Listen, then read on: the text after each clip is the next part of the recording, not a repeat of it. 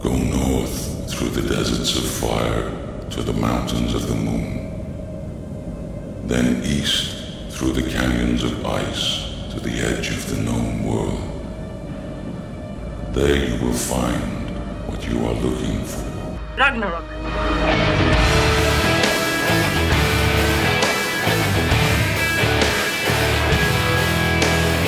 God kvöld og velkommen til Søgnasta Ragnarok i 2023. Og i kvöld borra jeg vid vi så imson townløyge som danskon hardrockje, brasilskon griskon trash townløyge og norskon som foneskon desmalme. Fyrst oss har vid vi Dagfinn Johansen som er sankari i hardrockbotjen non Bloody Dice som fyrru jar kom vi sjålnend og debutgave syne. Så gärna får vi då det av Heleno Kotina, gitarrlöjkaren og i brasilska griska trashbaltjen non nervosa, som 22. september kom vi 15 uka av syne Jailbreak. Tria og senasta samrøvan er vi Silenos, gitarrløygaran og i symfoniska norska svartmånsbaltjenon Demo Borger. Vi dvitsjera nuttjo tøku utgav og torra, Inspiratio Profanos, her løtja mittlen øron Venom, Twisted Sister, Deep Purple og Accept vera leten ui nuttja hem. Velkommen til tvartumar vi Bloody Dice, Nervosa og Dimmo Borger. Velkommen til seinasta Ragnarok i 2023. Hetta er Dagslen Johansen ur Bloody Dice og tú lustar etter Ragnarok.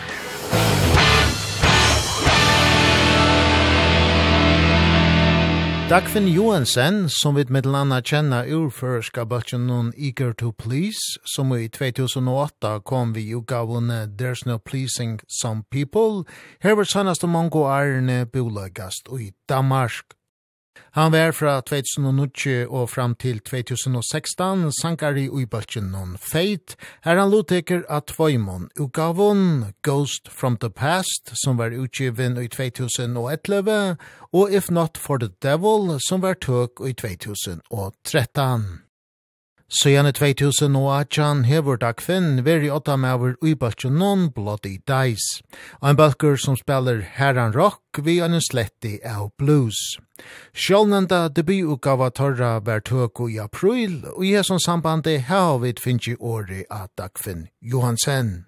Bøtkeren han, han byrja i, i 2008, han byrja i at gitarristen ja Jakob Nicky Jensen han han og som spelaren som som han spalt sammen vi som eh tar det en en bok som tar var blivit en trött och som gås vi och så och så hade Roger fram och så sportar med och vad det är passande Jakob om vi då om man pröva och jag vet tack tack lika på den Stöjlen var valgt på en vei väg att skulle resa ner og fjärsar og forsar och rockren. Ja.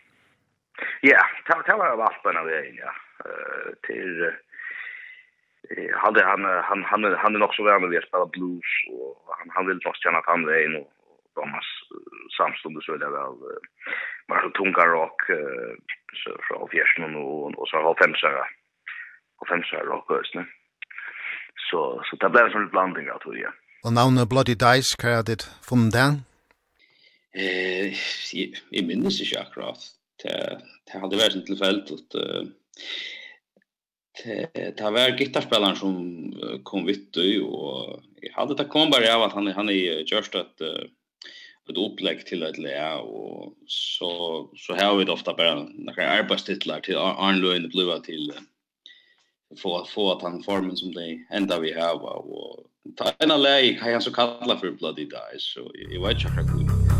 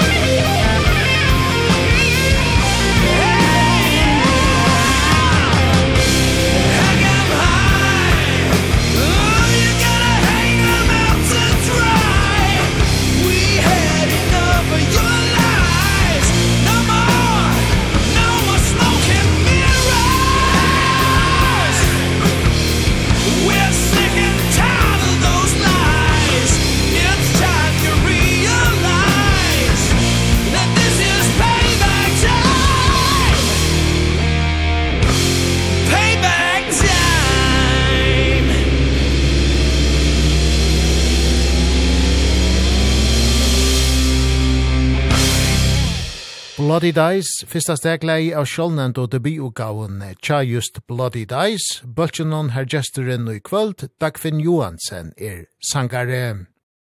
Ugavan som var tåg i april er opptidgen i legendariska Sweet Silence opptidgjølen noen i Chapmanhavn. Her balkar som Metallica, Rainbow og Gasoline, òsni hava innspalt løyri av Ugavan søgnon. Kjente tonlaga framleiaren Flemming Rasmussen rekord Sweet Silence opp til gøle, og han hever eisen steg i fire framleisene av disse fyrste røntene tja Bloody Dice. Flemming er ikkje hver som helst, han hever med landa framleit Ride the Lightning, Master of Puppets, og And Justice for All tja Metallica, omframt utgaver tja Metalnøron Rainbow, Morbid Angel og Blind Guardian. Dagfinn Johansen er sjankari ui Bloody Dice. Og til å se ut fra Brian at hit har haft sådana kärlekar til Sweet Silence Studio. Och hit Brian har på en veien at inspela her. Ja, det gjør det faktisk, ja. Det här som den bakgrunden som, som tar ut haft åren, gitarrspelaren, tronspilleren, Tar ut om just et album med Sweet Silence. og Och väldigt glad for det. og jeg har själv varit Sweet Silence Ösne. sammen med en örbörs som heter Cosmic Sin, som er bakgrund tjeckiga. Ja så och det mer om det väl då att jag spelar rösten så så ta ta tappar det naturligt nog affär här och vi tar gott samarbete med Flemming Rasmussen så ta TV det går det väl för första dag. Ja, och hur så vill du lösa han som som framlägger Han är eh, rättliga fyrkommande och nämner så vi. Eh, vad ska man säga, han är, han är väldigt effektiv röst alltid, ja. Och ja, så det man bara det kan man bara ser han han han är han är öliga går till till att få till att få överskritt som vi kunde ha. Alltså han kyler väl och kan ha hos kontant.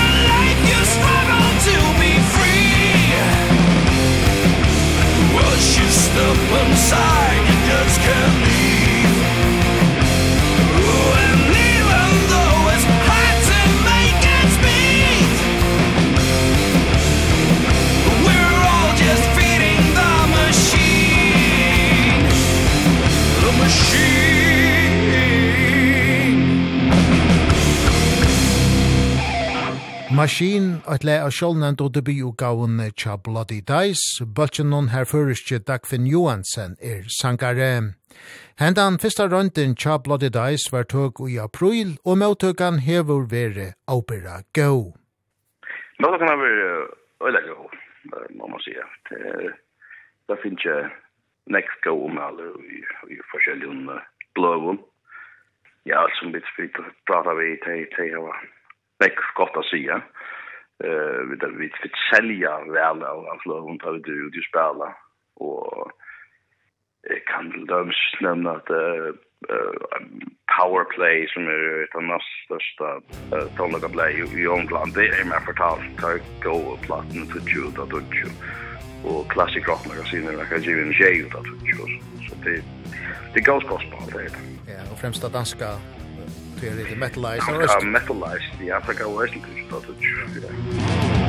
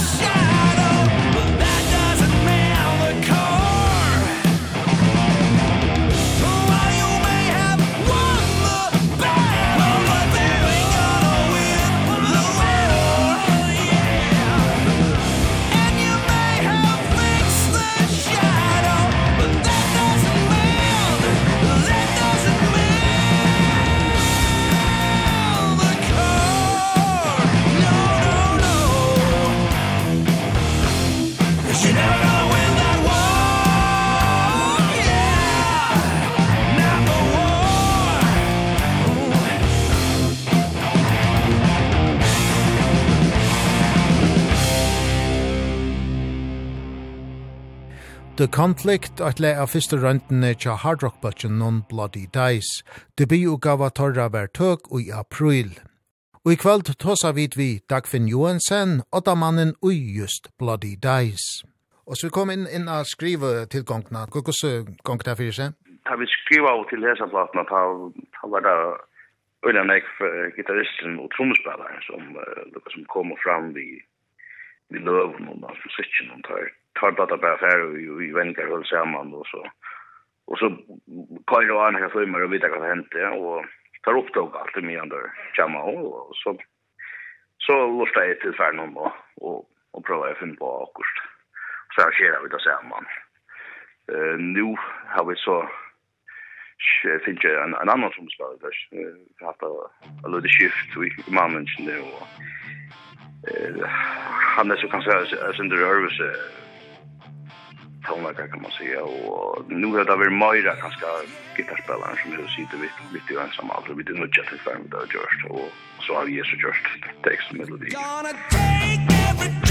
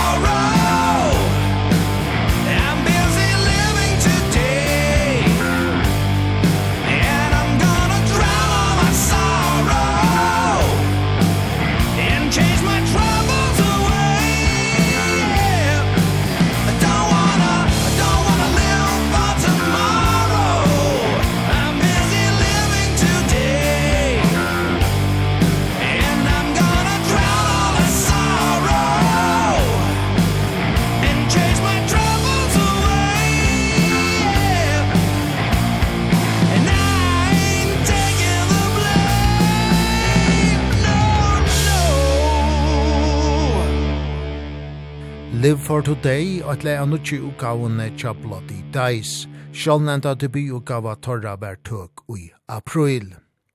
Te er gesteren ui kvöld, Dagfinn Johansen, som skriva tekstenar tja Bloody Dice, og uiblåsteren færan ur tøyene vid liva ui. Og så kommer til tekstenar, hva er det uh, av et tema eller konsept? Det er ikke konsept, det er det ikke. Men uh, tema, det var det ikke. Det, det, det, ta fer eller ofta i vi forskjelligt som uh, som man kanske kan vara sindra onakt vi vi, vi samtalan och og ja politiker og forskjelligt så hårt det det var ju ofta very det. Og om året, og, og ja i som som er fire ganger i verden som som mycket mycket gott.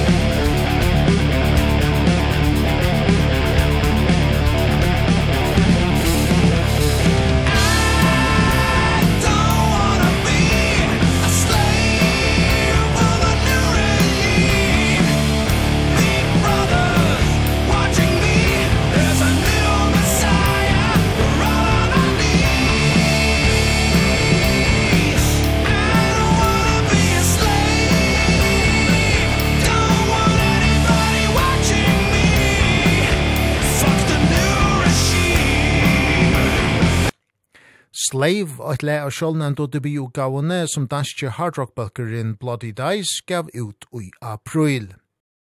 Det er alt sjåa platefellet i Onion Records som gjøver ut, og sambandet vi platefelleie kom i le og jøknen ombudsmannen tja Bloody Dice, namnframma Ken Anthony. Dagfinn Johansen er sjankari i Bloody Dice. Og det er alt sjåa platefelleie som, som gjøver ut. Hvordan kommer vi til kontakt med det? der kom vi til kontakt vi i Jøkstånd, uh, en, en gåan vin som det var, som han är ja, man kan säga han är också manager, eller, eller kan man ska kalla det. Uh, han heter Ken Anthony, och han är er nekva kontakt, så han har för for Making Nekvin Balskum, og er som manager för för nekva balkar som har varit av vei oppe etter. Um, han var med navn første manager för Pretty Mage, så han, han hjalp jo Øst Metallica til å bygge, og Og han hever, hever nekva kontakter alla stannar upp til veien. Han setter jo så i samband vi til Ionian Records som det røyda. Og tar vel så gjerna utkjøva uh, sløvna. Og kan ta tutning er det her var en sånn mann som Ken Anthony at træt seg? Halt jeg at uh, ta oppbrokken er det alltid. Han, han hever et, et nekk større nettverk enn hva vi til var så så det kastar forskjellige där så alltså vi då finns ju jag till försäljning booking alltså att få konserter lömmer sig upp i för för Ronnie Atkins så blir det nu är det nu på mamma och och försäljning alltså han gör pratar lite praktiskt och något så så jag det det tar det över det står Ja. Och till det är öliga skönligt har man sett det, tar man är festivalen så så jag vet lever men vi lever jag kan vi tycker att mest är inte någon och och, och t-shirts och allt sånt. Det det är resten stor anledning. Jag vill känna Ja, det heter ja. Kan vi det rätt att att fokusera sig på att att det marschen för det låg och hela kan man säga och det är skönligt ja. Och och det är till bushers ja. Att att det är några så rycker för och för köpa eh ofta på t-shirts och ikver og Korsasøynen, og man ser det snart ut i Nattaløynen, og er konserter som man ser til.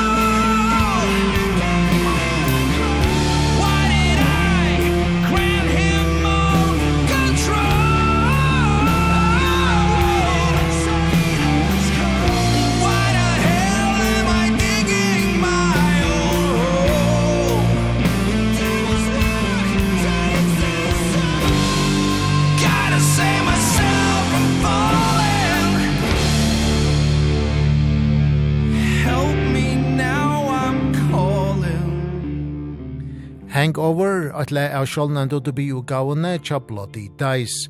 Utgavan vær tåk i april, og limener ui Bloody Dice er langt og farner at innspela sanger til nutja utgavo, grøyer sjankaren Dagfinn Johansen fra. Planer er jo som så ikke så nek annet enn at, at skriva en utgava, ja. Og det er vi så smått farner gong vi. Og vi er jo, vi har vært i studio og innspalt uh, fyra løn til vi er, fyra nødt løn. Så det er ganger så, så smått fram at vi tog i beskrivende tilstræder, og så blir det jo ankra konserter i kalenderen, men vi tar midtland med opphitting for David Rees i april måned. Og så har vi planer om en tre konserter i København og Østene, og så er det anker litt festivaler av Skråndia og Ja, så där kvar ju. Det går förhandlingar. Så det kommer alltså ju. Ja. Och då något till för är det en naturlig framhåll av av det blir och kan det där dit en annan väg musikaliskt. Jag hade det ett naturligt framhåll av av tusen av de ungdomar och ta ett kanske och lite som det här är kanske det just det vi är. Det kommer så kanske också när vi där med John Trump spelare som är väl lite nervös än kan gamla spelare.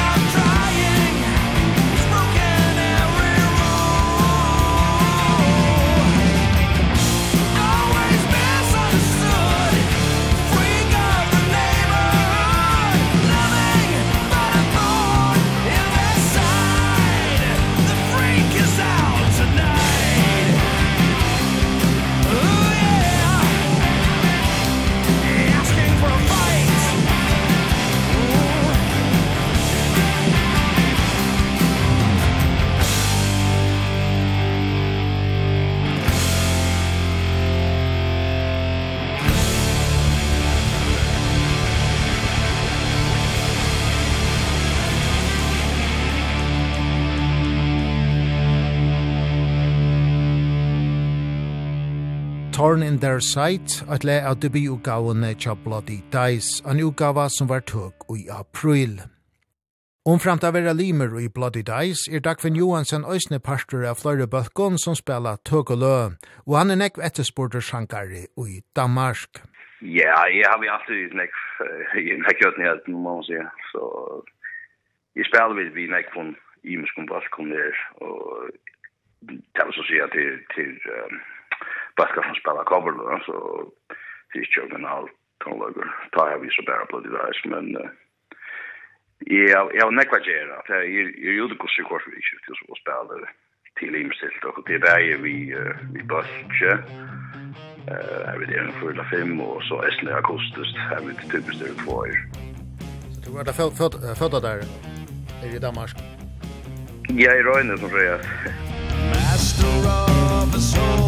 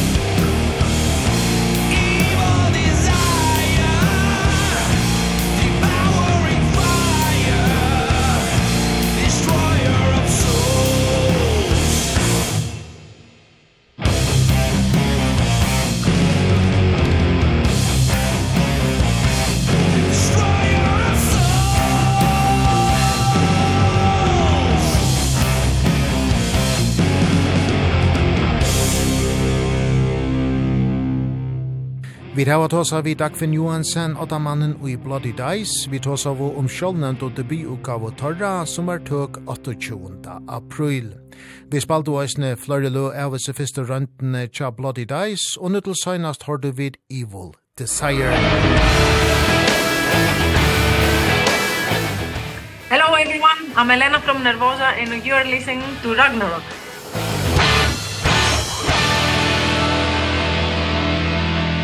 Nervosa byrja som en kvinnelig brasilskur trash desmonsbalkur over i Sao Paulo i 2000 og tutje. Nekvar utskiftingar er ferna fram og i Nervosa i jøk narne og av opprona manningene er nu bært prika Amaral etter. Og fra å være en brasilskur balkur er Nervosa blivin en altsjåa balkur, tutar tar trutjer nutjo limener som kom jo på i fyrre år er og griskjer og bulgarskjer.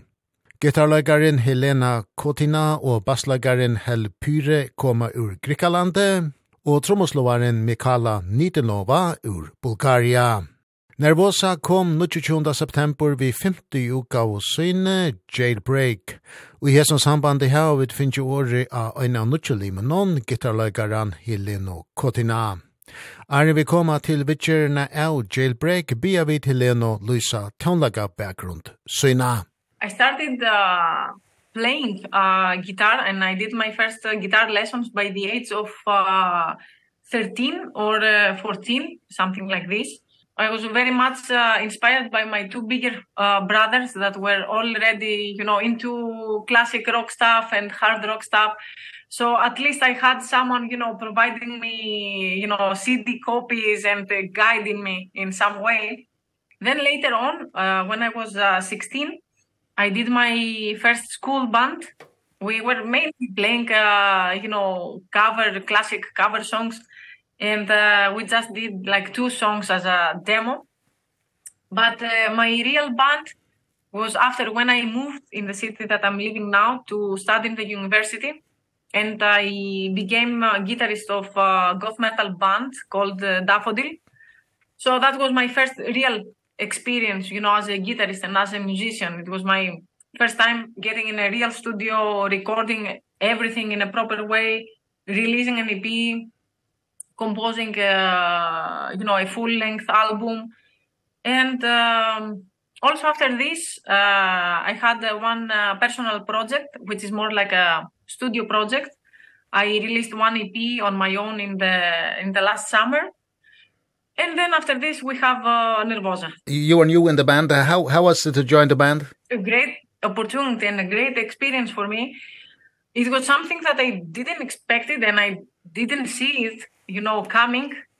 Uh, like in 2021, uh, when everything began, I saw that Prika was following me, did some likes and some posts and stuff. But I really didn't expect this to happen. So, yeah, it was a huge surprise and uh, I'm very, you know, grateful for it.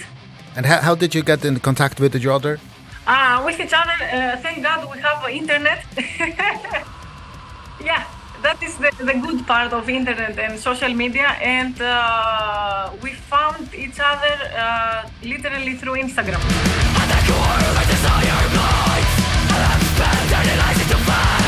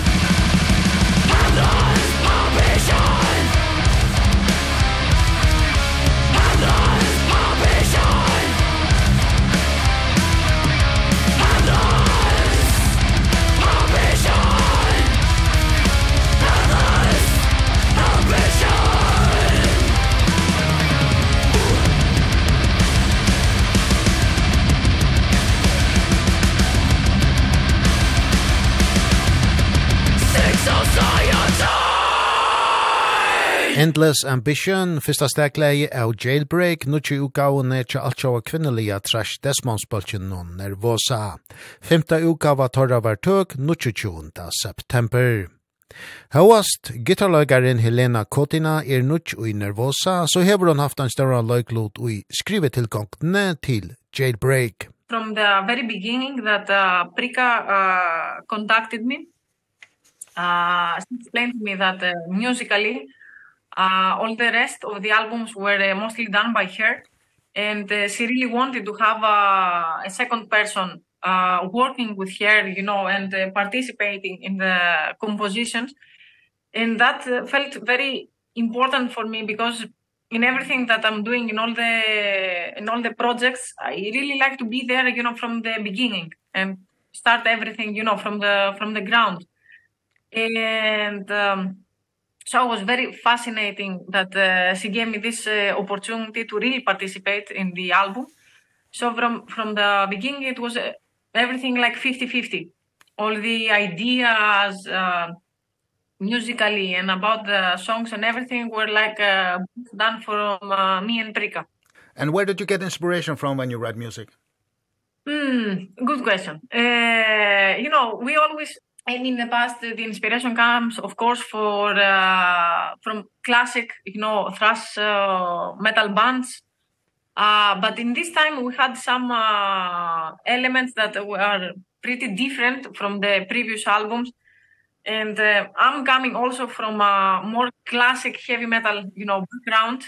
So and Prika is a huge fan of classic tunes like uh, Motorhead Judas Priest we're huge fans. Both So we had a lot of things in common.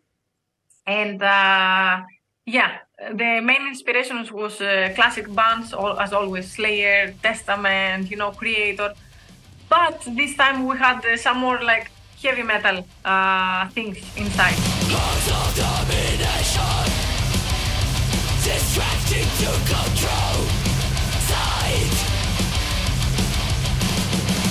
When reasons are made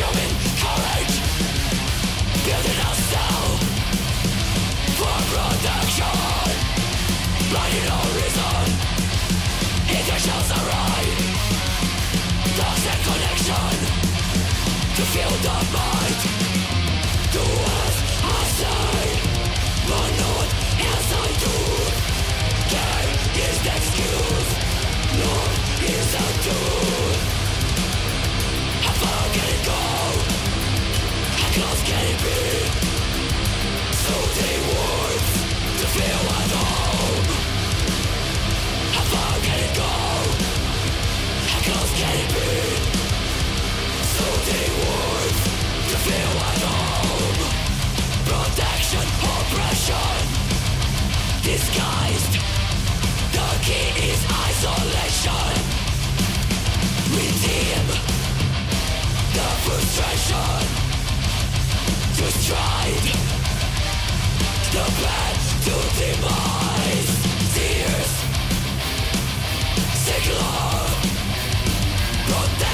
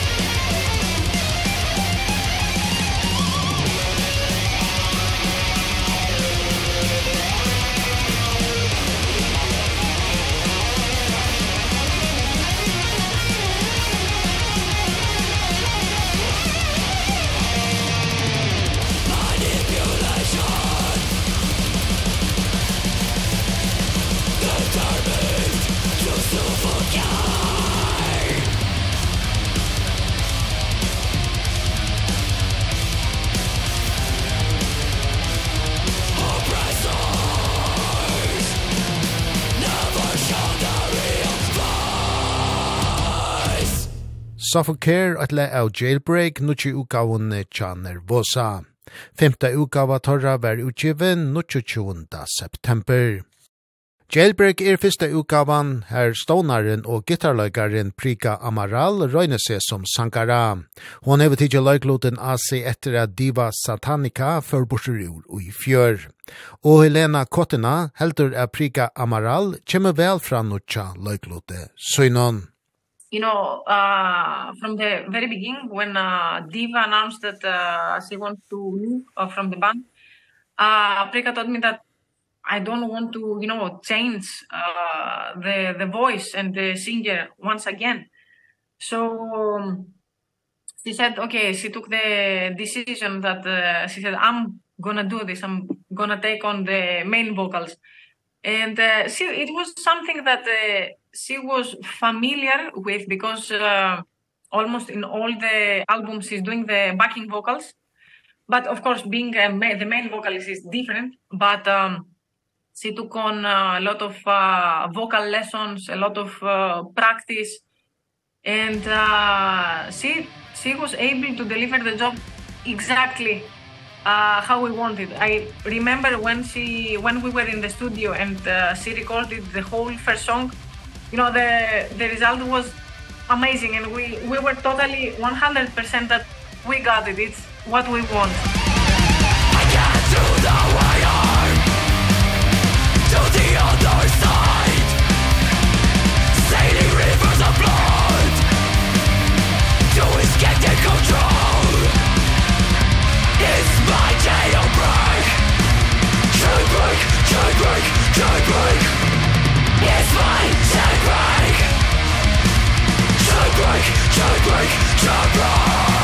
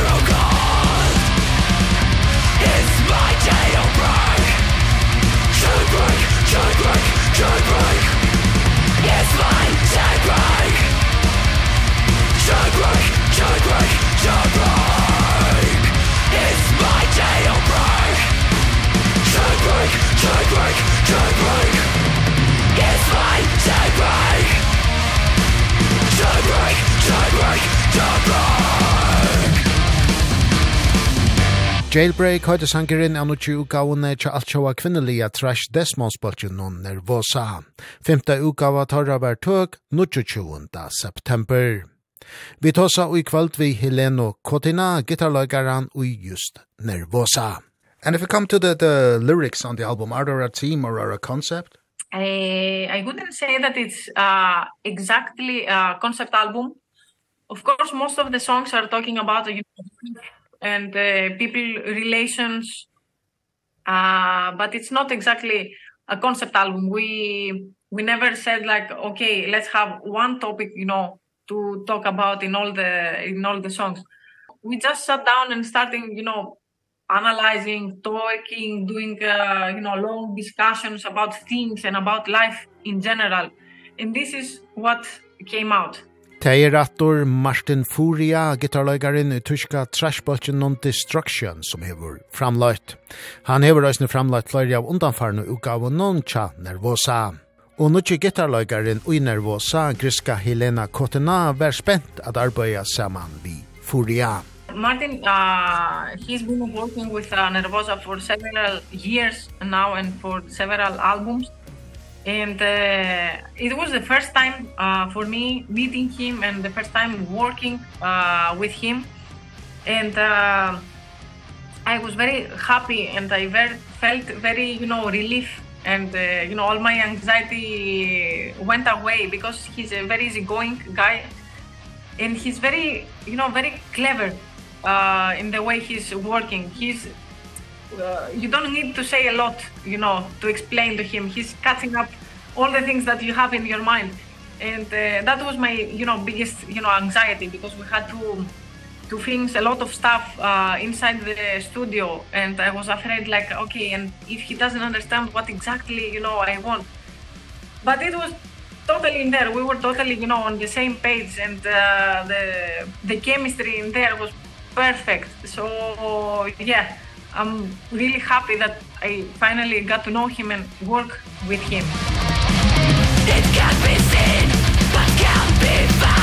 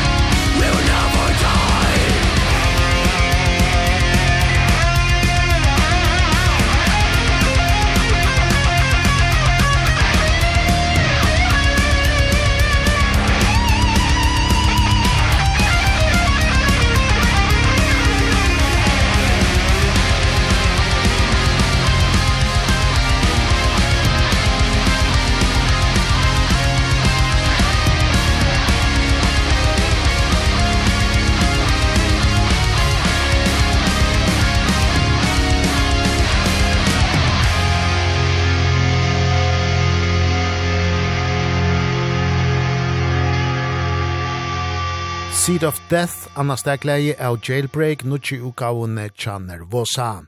Femta utgava torra var tøk, nutsi 20. september. Negrir gestatónlegarar er vi a Jailbreak, ein er Gary Holt, som vi kjenna som gitarlegara ui Exodus og Slayer. Han lotiker av Lennon, When the Truth is a Lie. Helena Kotina er gitarlegare ui Nervosa. Uh, about Gary Holt, uh, we from the beginning, you know, we were imagining to have some uh, special guests inside the album and we wanted to have at least one guitarist playing uh, one guitar solo and uh, Gary Holt was always, you know, in the top of our minds. Yeah, I mean, Prika, we are huge fans of uh, his guitar playing, all the job that he has done with Exodus and Slayer, So we contacted him and he was very very open and uh he gave an answer very very quick. And he said like uh of course I am super busy with uh, the touring but in between I will you know I will deliver this to you. And uh he sent us he it's very you know uh very Gary Holt uh solo very signature solo of him. And uh yeah it was you know, like one dream coming true, one of our idols, you know, having the chance to have him inside the record was huge for us.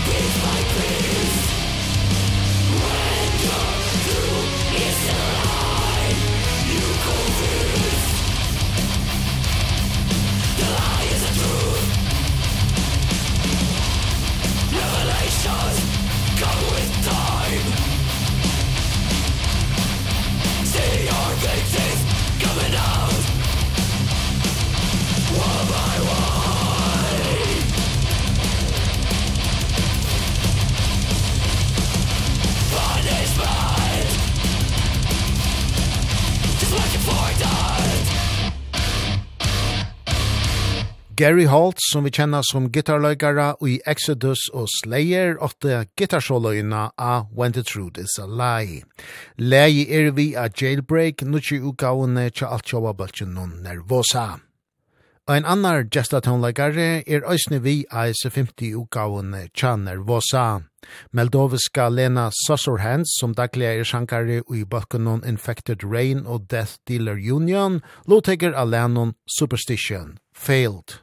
And about Lena, we wanted to have a second female uh, vocalist inside together with uh, Prika's vocals.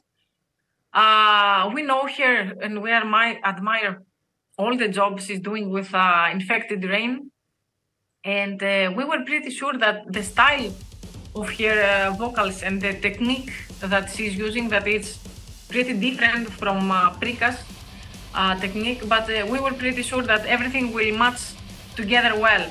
And so I did. When she came back with uh, all her parts uh, ready, the two voices were fitting exactly.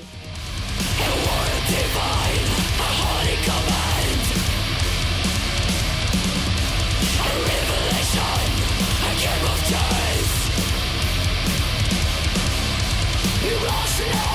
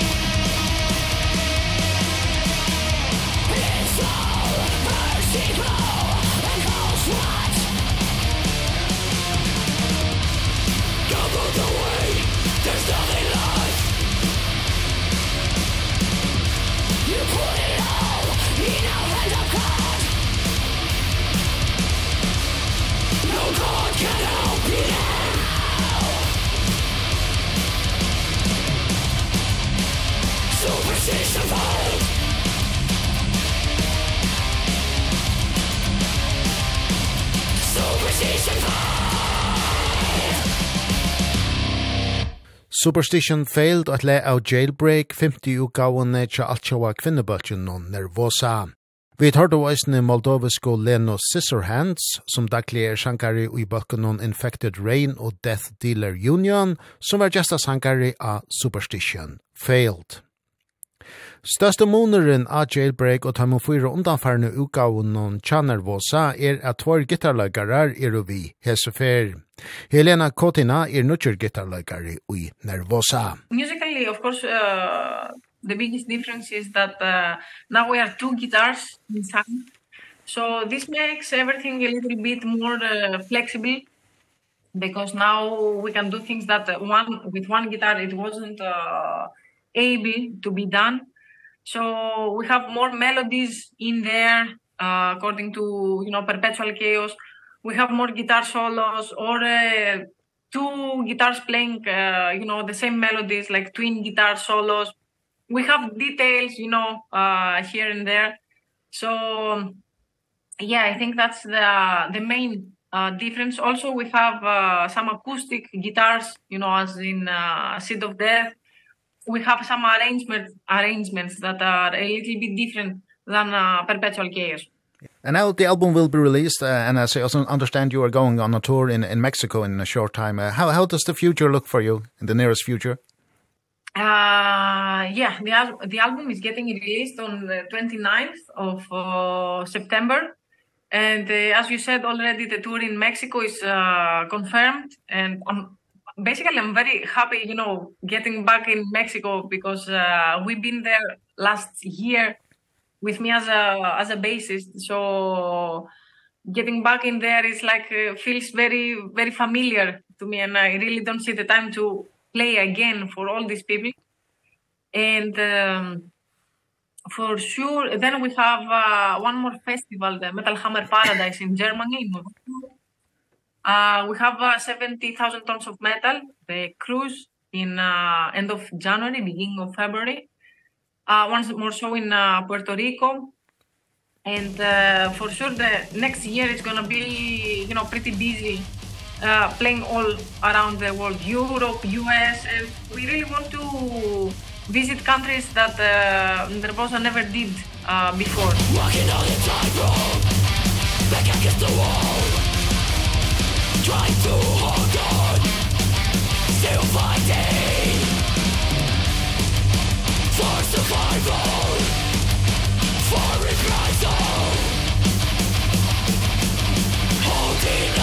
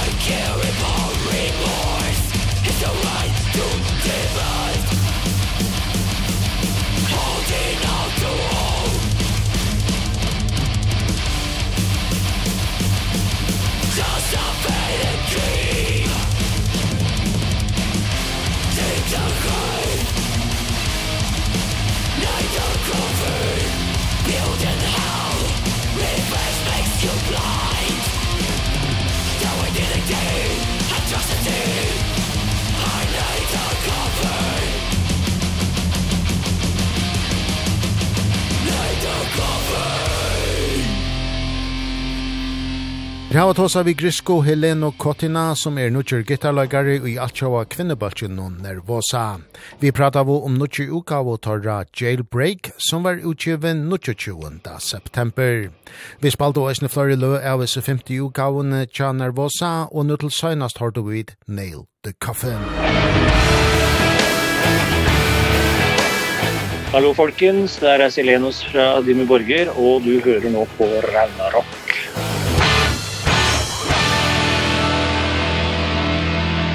Symfoniske norske svartsmålmsbølgeren Dimmo Borger hever sauna flest av tøkeløven og tar av spaltjøkken og ærene, og løyene er no tøk av utgavene Inspiratio Profanus, som var utgiven 8. desember.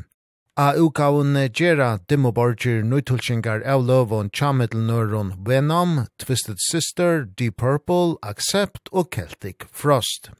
Og i samband vi at Inspiratio Profanos veri utgiven, her vi finnes åri av Silenos, gitarløygaran Uidemo Borger, og hoskoti a koma vi ein tøkuugavo er ikkje halt nøyt. Ja, vet du, det, vi har hatt ideen om å gjøre, få ut det coveralbumet siden uh, 2015, tror jeg, så har det vært uh, prat om dette her, da.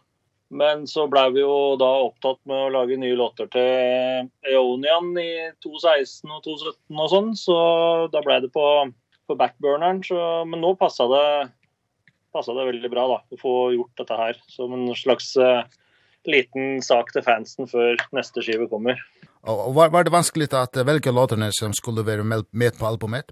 Nei, vi, vi tok med alle de låtene, de coverlåtene som vi har spilt inn offisielt da. Det er klart vi har jo gamle øvingsteiper med ulike andre coverlåter både hele og halve og til å si så men det det var liksom ikke bra nok for å bare legge legge med bare for å for å få flere låter på skiva. Det var ikke noe vits i. Så vi vi kjørte med de låtene som som vi hadde fra før og nå er det jo de fleste av fansen har jo hørt de låtene her, eller har dem i samlinger fra, fra før. Men, um, men vi følte at det er fint å ha alt samlet på ett brett, og så med en oppjustert uh, master, da, sånn at uh, volumnivået er up to date. Og, ja.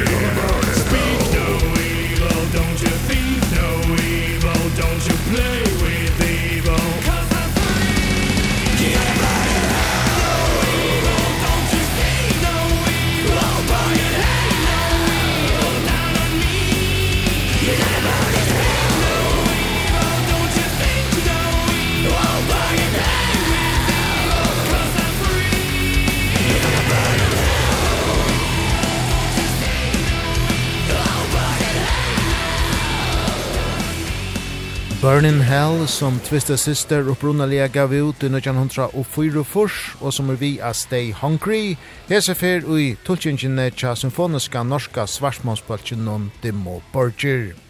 Leie er vi a nokjo tøku utgav og torra Inspiratio Profanus som øvelagje ver at okna ser 8. desember. Vi tåsa i kvöld vi Selenos, gitarlagaran ui just Dimo Borger. Og hvis, hvis man uh, kommer og taget i coverlåt, um, uh, er det med stor respekt at man innspiller i sånne låt når, som en annen har skrevet? Det er det absolutt. Vi, vi prøver jo å, å forholde oss til det originale uttrykket, men samtidig eh, selvsagt sette vår eh, expression på det. Da. Um, nå har vi jo for så vidt for alle, så å si alle låtene på den skiva her, så er det jo veldig nære det originale uttrykket, men eh, det er enkelpartier i i hver låt som vi har har dimusificerat då som vi kallar det selv. Ehm så men jag tror nog kanske GGFH låta är den som vi har gjort mest på selv, da, sånn sett alltså prøvd å eh göra ett eget lite mer eget uttryck på den. Ehm Nå kan man jo si at alle de, de fleste av de låtene her har jo blitt covra av mange andre artister også før, så Så det er kanskje ikke noe nytt sånn sett, men jeg føler at det er, er å gi det litt glimps inn i vår verden, der som vi, eller de artistene, og noen av de artistene som har inspirert oss siden starten, og som fortsatt inspirerer oss, for den saks skyld. Så det er kanskje rart for fans av Dimmu som har kommet til de siste ti, ti åra, eller kanskje siden de var siden starten nå, det, at det er rart at vi eh, gjør coverlåter og Accept og, og Twisted Sister og sånn, men det, for oss er det helt naturlig å vise hvor våres eh, inspirasjonskilde kommer fra. Det er jo tidlig 80-tallet liksom, eller hele 80-tallet for den saks skyld, men det var tidlig 80-tallet det startet liksom, så...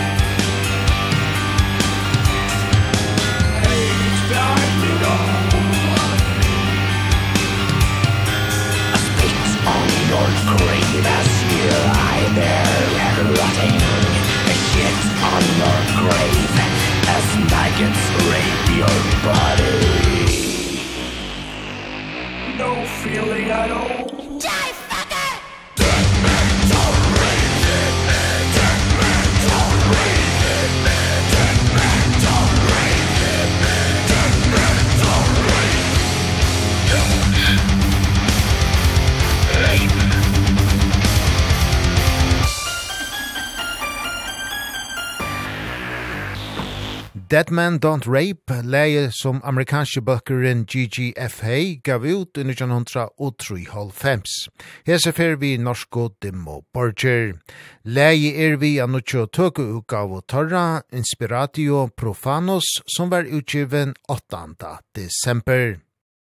Inspiratio Profanos, som eisne verir utgiven som LP, er bort opp i tvei. A asuine finna vi tulkingar av klassiskon Desmonds Lovon Cha Venom, Battery, GGFA og Celtic Frost. Mia løyene av besuine er tulchingar av klassiskon heavy metal og hard rock lovon Cha Twisted Sister, Deep Purple og Accept. Og hette er at tilvida vel grøyer Silenos, gitarløygarin og Demo Borcher fra. Ja, den aller første fra, fra skiva er faktisk black metal. Den, ga, den kom ut nå... Ja var det i oktober eller noe. Eh, og så var det The Purple, så vi følte vi skulle vise liksom begge sider av, av plata da. For liksom den, den mer krasse, rett på sak eh, undergrunnsdelen av Dimmu gjennom black metal og Bathory og Celtic Frost, og så får du den mer oppdaterte, den melodiske, eh, litt mer større siden til Dimmu med de andre låtene da, kan du si. Så det er derfor vi også valgte å kalle det rett og slett altså hver side, en side black og den andre side metal. Eh, som en slags uh, tongue-in-cheek uh, tribut til uh, 80-tallet når man hadde liksom fire-fem låter på hver vinyl, og hver vinylside, og så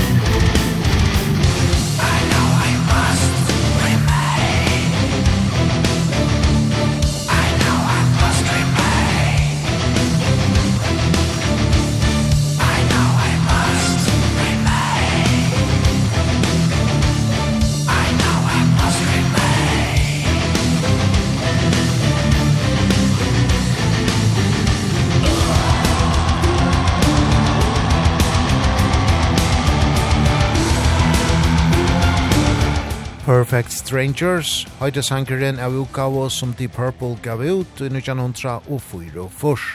Hese fer vi symfoniska norska svarsmansbalsjonon Demo Burger.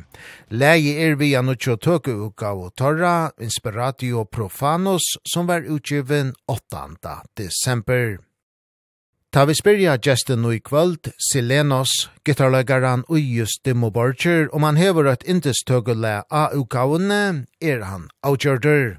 Ja, altså det som står meg kanskje nærest er väl uh, Accept låta. uh, selv om uh, det ikke var den første coverlåta vi gjorde så var det er väl den som har på en måte um, linker uh, um, inspirasjonskildene våre fra 80-tallet fram.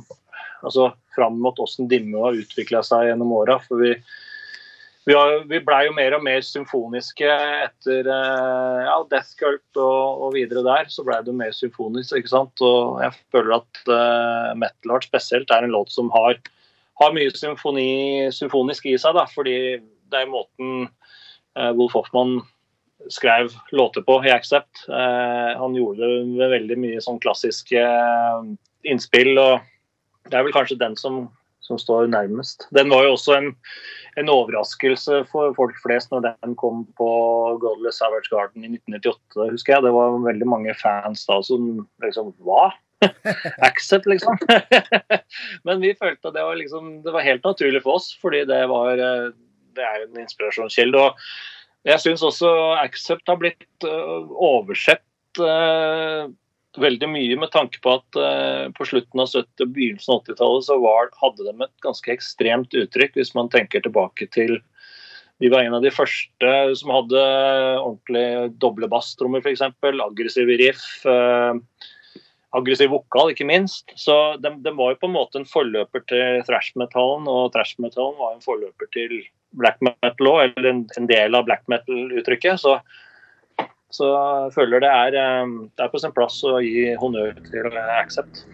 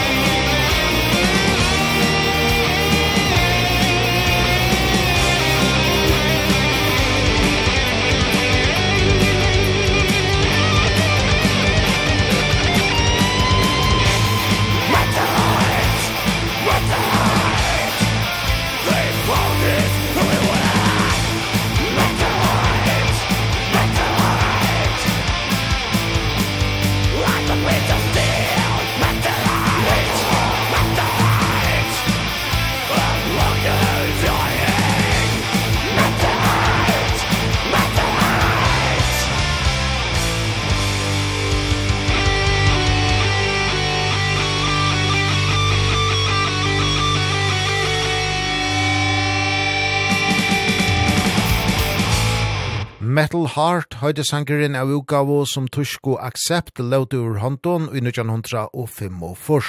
Hese fer vi norsk og Dimo Borger. Hendan tulkingen er vi av nødvendig tøke utgave Torra Inspiratio Profanos som var utgiven 8. desember.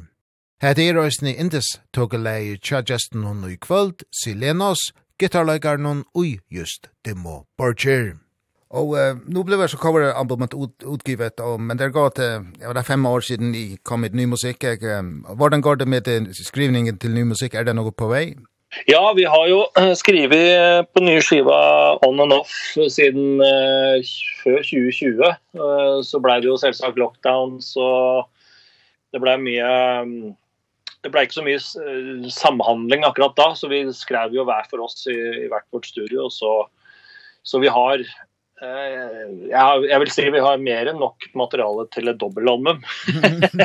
Men jeg tror ikke, jeg vet ikke om dobbeltalbum er det, er det rette øra heller. Det, det skal uansett være kvalitet foran kvantitet, så får vi se. Men vi har mer enn nok å ta, og vi er godt i gang i prosessen, eller over halvveis i prosessen. og Og vi håper jo å kunne starte studioinspelningar i ja, på nyåret da, til våren. Eller ja, rundt den tiden. Mm. Ja. Och vad med med konserter kan vi förvänta sig er på på festivalen nästa sommar?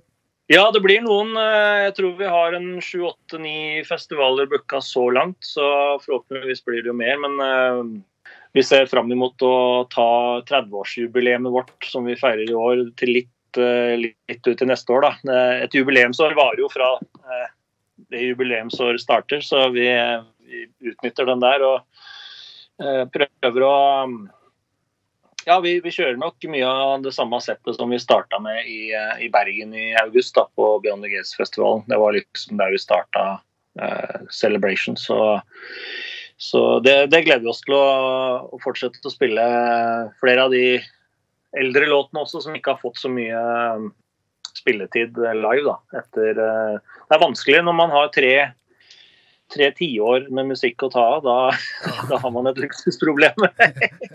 ja, eller kan det bli det 6-7 timers lang konsert? Ja, det, det kunne vi også ha gjort, selvsagt. Um, ja, vi, det blir jo begrenset også på hvor lang spilletid man får på festivalen, men ja. på egne gig så er det jo, da bestemmer vi jo selv hvor, hvor lenge vi spiller. Mm. Og hva med deg selv? Du er en busy man. Har du flere prosjekter kurrende i, i øyeblikket? Ja, altså, jag har ju Insidious Disease, det death metal projektet som jag har sammen med Mark eh som eh, nå synger i As in Hell med Michael fra Volbit. Ehm um, eh Shane Embry er med på bass i Insidious fortsatt og vi skal vel eh, altså vi har vel en 11-12 låter ferdig på demo-stadiet med vokal og mangler litt leads og sånn, men vi er klare til å spille inn uh, trommene når som helst egentlig. Så uh, vi må bare finne en schedule der det passer uh, for de fleste av oss, og så går vi i gang med det. Og det blir en, det blir en ganske enkel og kjapp uh, innspilling. Uh, trommene bør ikke ta så lang tid, og da gjør vi resten av gitar og bass og vokal i våre egne studioer, så det, det skal gå ganske knirkefritt egentlig. Black is the night, metal we fight. Power of sex to explode Energy screams, magic and dreams. Satan recorders for notes We turn the bell, chaos and hell. Metal for meaning is pure. Fast melting steel, fortune on wheels. Rain hell where energy is the core Black metal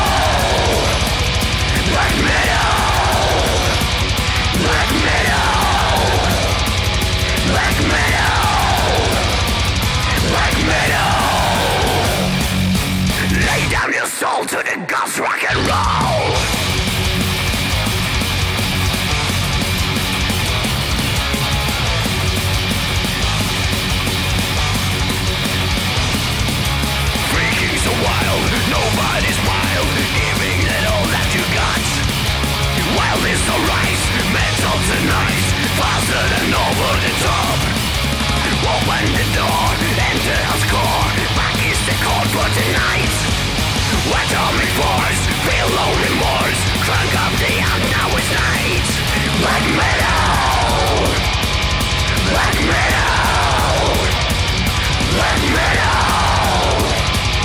Black metal Black metal Lay down your soul to the gods rock and roll jolt and fall through the deadly black hole. Riding hill stallion, bareback and free Taking our chances with raw energy. Come ride the night with us, rock hard and fight United my legions we stand. Free God and wild progress, give up your souls. Live for the guests, Satan's burn Oh.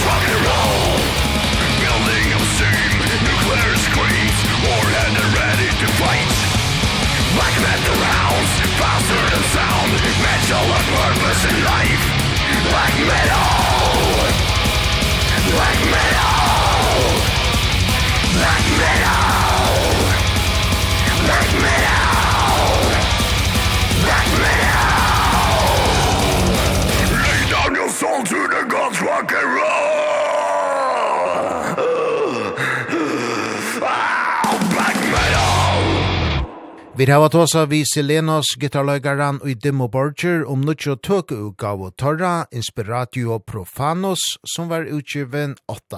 desember. Her til en utgave her norske svarsmansbalkeren tolkar lø tjamittel nøron Battery, Celtic Frost, Accept, Twisted Sister, Deep Purple og Venom. Og vi enda var vi just Venom og klassikaren Black Metal, som er brunna lia er høydesankeren av Eri og Torra, som var utgiven i 1902 og Fors. Om du hever omkra vi merking etla vil vita møyr om sendingsna, er møyleitje af ferna Facebook-bolkjen tja Ragnarok.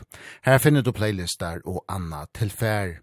Møvelag er røstnja tøyre hesa og undanfarnar sendingar av heimasuju okkara kvf.fo framskag Ragnarok.